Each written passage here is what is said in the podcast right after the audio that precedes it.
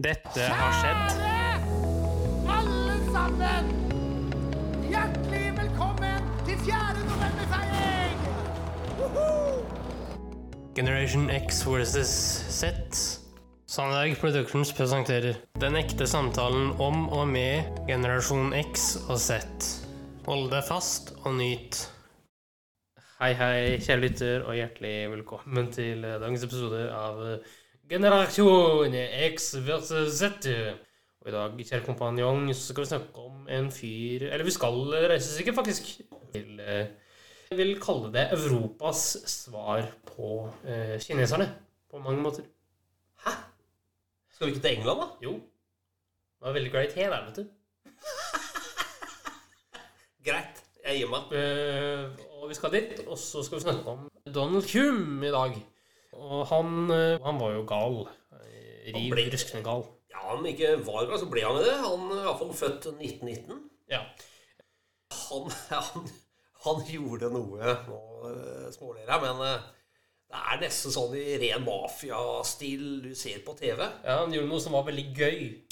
Ja, gøy og gøy også, men han eh, gjorde noe som eh, jeg bare har sett på TV. Eh, aldri egentlig har hørt om i virkeligheten. Så han, Nei. han dumpa lik fra flyet sitt.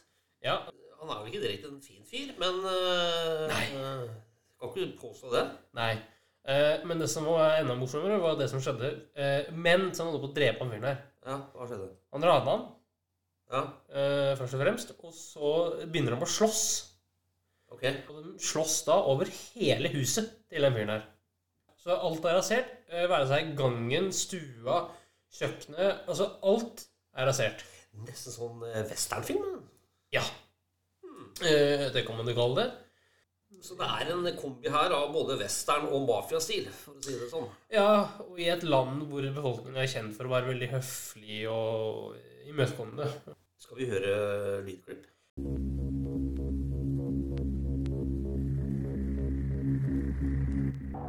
Sånn jevnt over er det et mord eller drap i London hver eneste dag, året rundt.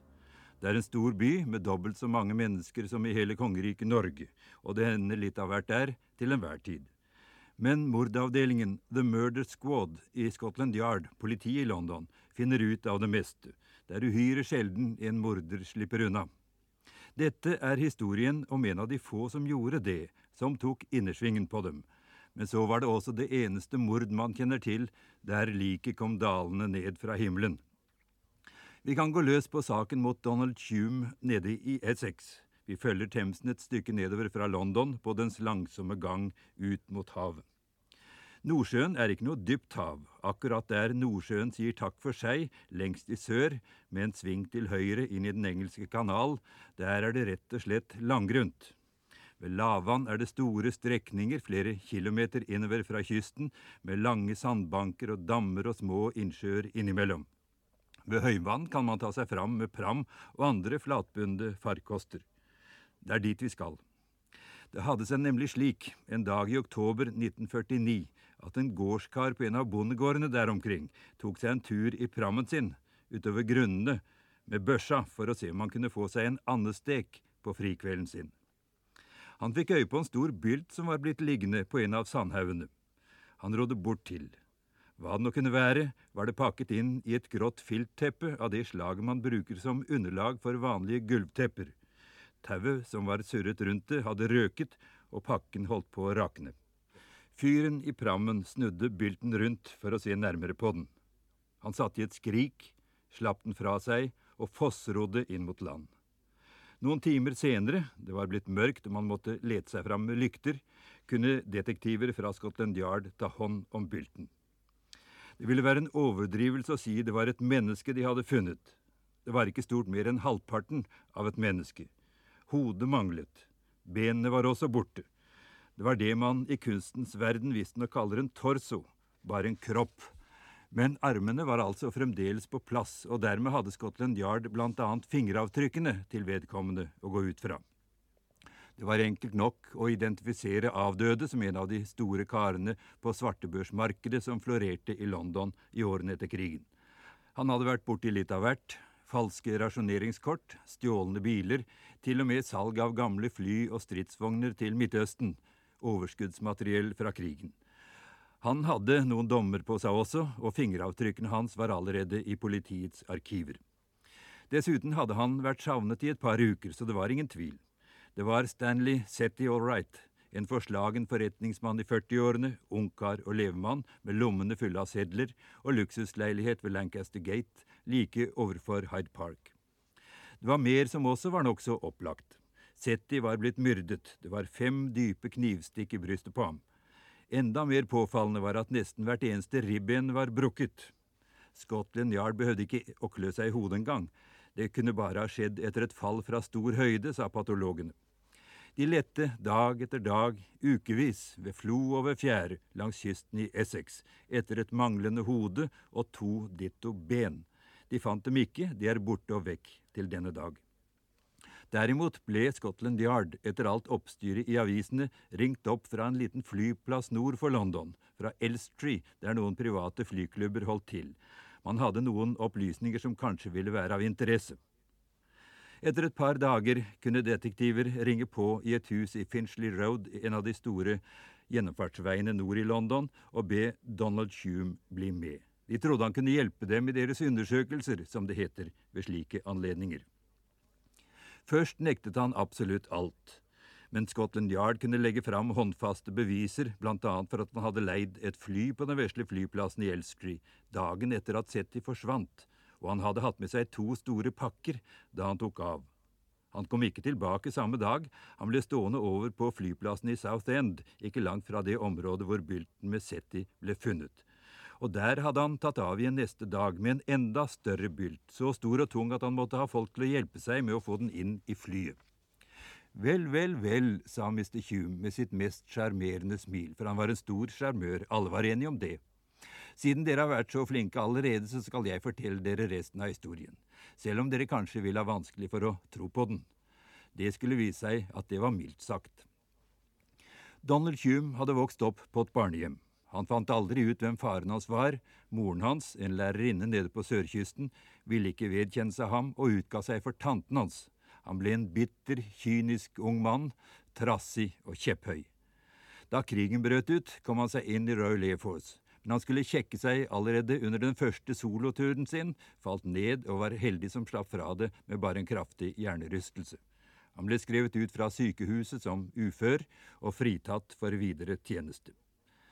Det ble alt han opplevde av krigen. Det vil si han ble tatt i flott Roy Air Force-uniform med brystet fullt av utmerkelser. Han hadde utgitt seg som en av heltene fra Battle of Britain, one of the few, og han fikk sin første dom på det, for falske foregivner.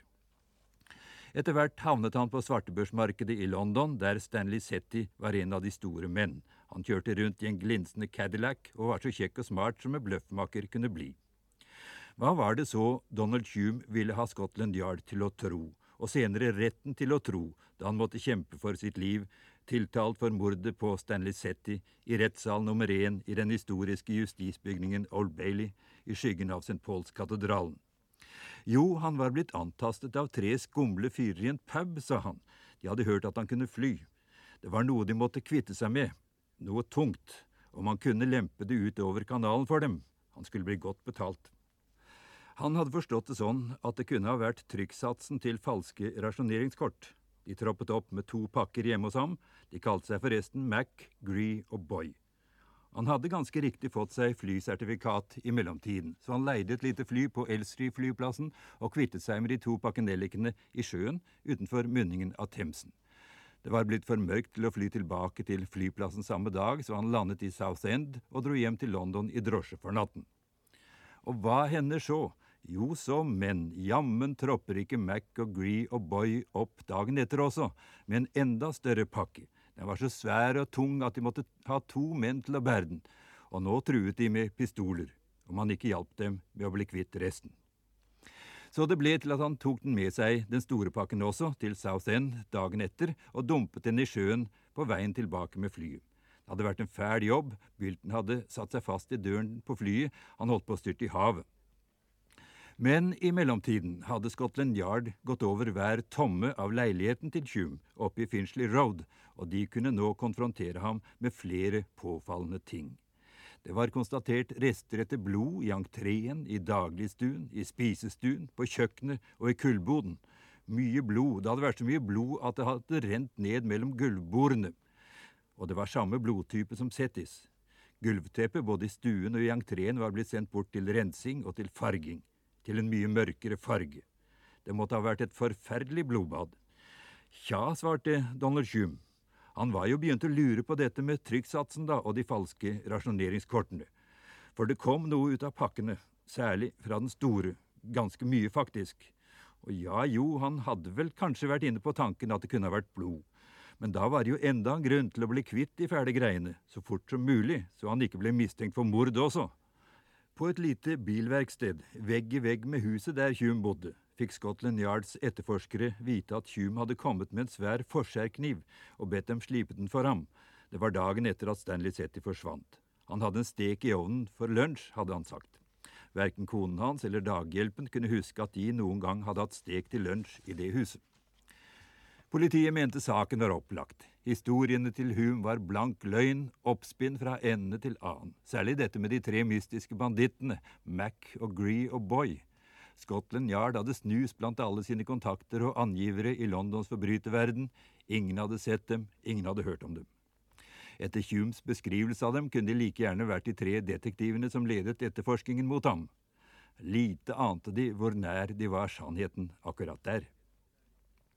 I rettsbelæringen for en engelsk jury blir det alltid lagt vekt på at den må være sikker i sin sak, utover enhver rimelig tvil når den avgir sin kjennelse, beyond any reasonable doubt, som det heter. Tvilen, om den var aldri så liten, var det eneste forsvareren til Hume kunne spille på. Og som han sa, ingen hadde vært vitne til at Stanley Setty gikk inn i huset til Hume. Det fantes ingen fingeravtrykk av Setty i huset heller, ikke noe mordvåpen, Humes egen kone hadde ikke sett noe, og andre leieboere i huset hadde ikke hørt noe. Og selv om han altså ikke hadde greid å spore opp Mac og Gree og Boy, de tre mystiske mennene, så var det dermed ikke bevist at de ikke eksisterte. Humes historie var utrolig, sant nok, men umulig var den ikke, sa forsvareren. Juryen satt sammen bak lukte dører i time etter time. Til slutt måtte formannen meddele retten at de ikke kunne bli enige. På den tiden krevdes det enstemmighet i en mordsak for at juryen skulle kunne avsi en fellende dom. Scotland Yard var som lamslått, dommeren trakk på skuldrene, avsa kjennelse for ikke skyldig og tok en ny jury i ed for en mer beskjeden tiltale. Nå ble Hume bare anklaget for å ha medvirket til mord, for så vidt som han selv hadde innrømt at han hadde hjulpet til med å bli kvitt et lik. Han kunne fremdeles fått livsvarig fengsel, men slapp med tolv år og han oppførte seg så pent innenfor murene at han slapp ut etter åtte. Så var det vel omsider slutt på historien om liket som dalte ned fra himmelen. Og nei, slett ikke. Bare noen måneder etter at Hume var sluppet ut etter endt soning, kom en av de populære søndagsavisene i London ut med et kjempeoppslag. Her bør det skytes inn at når et menneske først er frifunnet i en britisk rett ved endelig dom, kan saken ikke tas opp igjen, under noen omstendighet. Derfor kunne Hume nå fortelle alt, uten den minste risiko, som han også gjorde, søndag etter søndag, en hel føljetong om den fulle sannhet, visstnok for den nette sum av 100 000 kroner. Stanley Setty hadde sittet hjemme i stuen hans og ventet da han kom hjem en kveld med litt for mange drinker bak seg. De hadde kranglet om litt av hvert, om biler og penger, og om konen hans. Hume hadde mistanke om at Setty hadde et godt øye til henne. Det ble til slutt slåsskamp av det, og Tjum hadde fått revet til seg en tysk SS-dolk fra veggen. Han samlet på den slags. Villere og villere ble det. De sloss i entreen, i dagligstuen, i spisestuen og på kjøkkenet. Det var blod over hele leiligheten, til Setti endelig sank sammen. Tjum hadde partert ham på kjøkkenbordet med baufil og forskjærkniv, han hadde brukt filtunderlaget til gulvteppet i stuen som innpakning, og gjemt pakkene i kullboden til han kunne begynne å frakte dem vekk, i flere vendinger med det vesle flyet. De tre mystiske fyrene, Mac og Gree og Boy, hadde han funnet på i farten, og han hadde faktisk brukt de tre detektivene fra Scotland Yard som modeller da han skildret dem. Og nå er vi endelig kommet fram til det siste utrolige kapitlet om Donald Hume. Dette var i 1958, og han ble borte for Scotland Yard en stund. Men så, året etter, var det to bankran i Brentford, i den vestlige utkanten av London. To helt like ran, og like etter hverandre, og i den samme banken. Det var temmelig klosset gjort. I det første ranet fikk raneren til og med en papirkurv tredd nedover hodet, og han måtte flykte. Det skulle senere vise seg at det andre ranet i den samme banken like etterpå var ment som en hevn fordi han var gjort til latter. Han fikk med seg bare noen få pund, men rakk å skyte ned en kasserer. Politiet hadde nå fått så gode spor å gå etter at mistanken ble vakt. Donald Hume var på ferde igjen. Noen uker senere var det forsøk på ran i en bank i Zürich i Sveits. Det oppsto kamp inne i banken, ransmannen måtte flykte, han ble forfulgt i gaten utenfor, og da en drosjesjåfør prøvde å stoppe ham, ble han skutt ned og drept på stedet. Og der, på åpen gate midt i sentrum av Zürich, ble Donald Hume tatt på fersk gjerning med revolveren i hånden. Han hadde utgitt seg som testpilot i det canadiske luftvåpenet, viste det seg. Han skulle ha prøvd ut nye hemmelige fly for Nato. Men det ble hans siste store bløff, for etter mordet i Sveits ble han dømt til hardt straffarbeid på livstid. Han er hjemme igjen på britisk jord nå. For noen år siden ble britiske myndigheter nemlig bedt om å overta ham, få ham hjem. Han var erklært uhelbredelig sinnssyk, og det var uråd å holde styr på ham lenger i den sveitsiske straffeanstalten. Han var lenket på både armer og ben da han kom tilbake. Det er på Broadmoor han befinner seg nå, det beryktede fengselet for de utilregnelige forbryterne, de aller farligste i landet. Og der vil han nok bli, skjult for all verden, til sine dagers ulykkelige ende. Ja, Ja da. litt av en historie, litt av en fyr. Men hvem hørte vi her, Henrik? Og hva slags program var det egentlig? Nei, eh, vi hørte en sending eh, fra din ungdom, faktisk. Med eh, Richard Herman som eh, programleder. Og programmet er da Krim fra virkeligheten. Ligger i NRK Radio-appen og på sidene der hvis du har lyst til å høre noe mer på det, da. Ja. Eh, eh, bare for å ta litt om Broadmoor, så Ja. er jo det da i en eh, forstad eller en liten by da, utenfor London og har hele 284 senger, sengeplasser. Ok. Kan vel også sammenlignes med eh, Dikemark her i Norge. Han må jo ha vært jævla slu, da. Jeg tror han var en, en såkalt, eh, som vi sa i gamle dager, en ordentlig luring. Han var nok en luring og en sleiping av dimensjoner. Ja. Eh, Den form for sluhet for å overleve, da. En sånn barndom, eh, Ja. vil jeg tro. ja. Skal vi gå over Jeg føler at det er greit med litt humor, jeg, altså. Ja, ja. Da kjører vi på.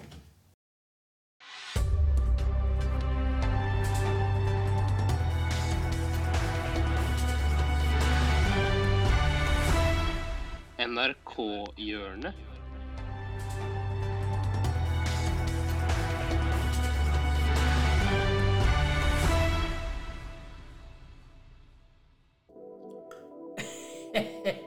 All right. Ja I dag så skal jeg prøve å eh, lage humor ut av noe som er relevant på vinterstid i Norge. En, to, tre! Da er vi i gang. Ja. Den bratte bakken her, den skal vi oppnå. Jeg er team uten brodder, for jeg syns brodder er døll døllersen. Jeg er team med brodder og syns brodder er bra. Første person opp og ned bakken vinner, og hvert knuste egg på veien er pluss fem sekunder. Jeg er ekte spent på det her, for denne isen ser altså vanvittig glatt ut. Og så på toppen, her må dere da levere et sånn broddeordspill. Er dere klare? Ja! En, to, tre! Da er vi i gang. Ja. OK. ok. Og Tete setter Fart. også så jævlig fart. fart, fart. fart. Trenger ikke brodda! Treng ikke en Der er vi god, gutten! Broddvar Brå brakk staven er som sukka på isen. Godkjent. Ja! Og Tete okay. er på vei ned igjen allerede. Gi oss i dag vår daglige brodd. Tete, Tete, forsiktig! Tete, sklir altså som en gærning. Han setter seg Wow, wow, wow, wow, wow. Tete, nei! Wow. Nei! For en prestasjon! Ja, det var jo altså det, Jeg tror det var verdensrekord. Altså. Det, Hvordan er følelsen i kroppen? jeg føler meg uovervinnelig. Tante Adelina. Nei, nei! Adelina mister egg! Nei, jeg, tror, jeg tror jeg må bare må gå bort til Adelina. Hva er det du har brodder, Adelina? Det skal jo ikke være mulig, dette her! Da er det konstatert her på P3 Morgen. Brodder er døll Døllesen. Brodder er døll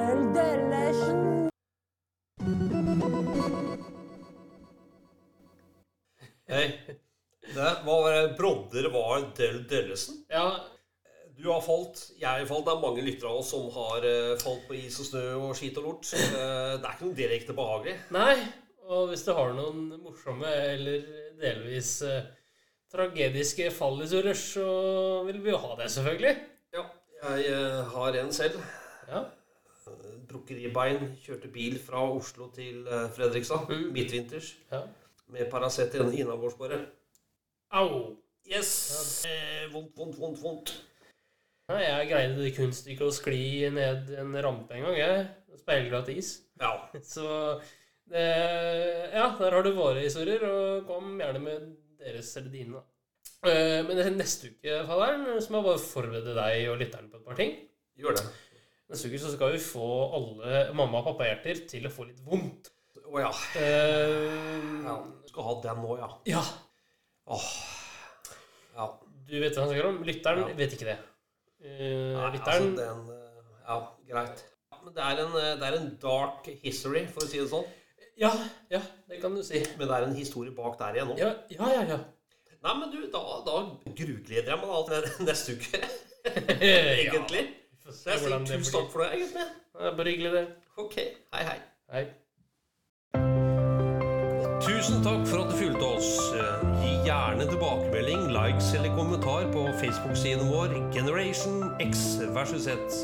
Velkommen igjen til neste podkastepisode. Hei då!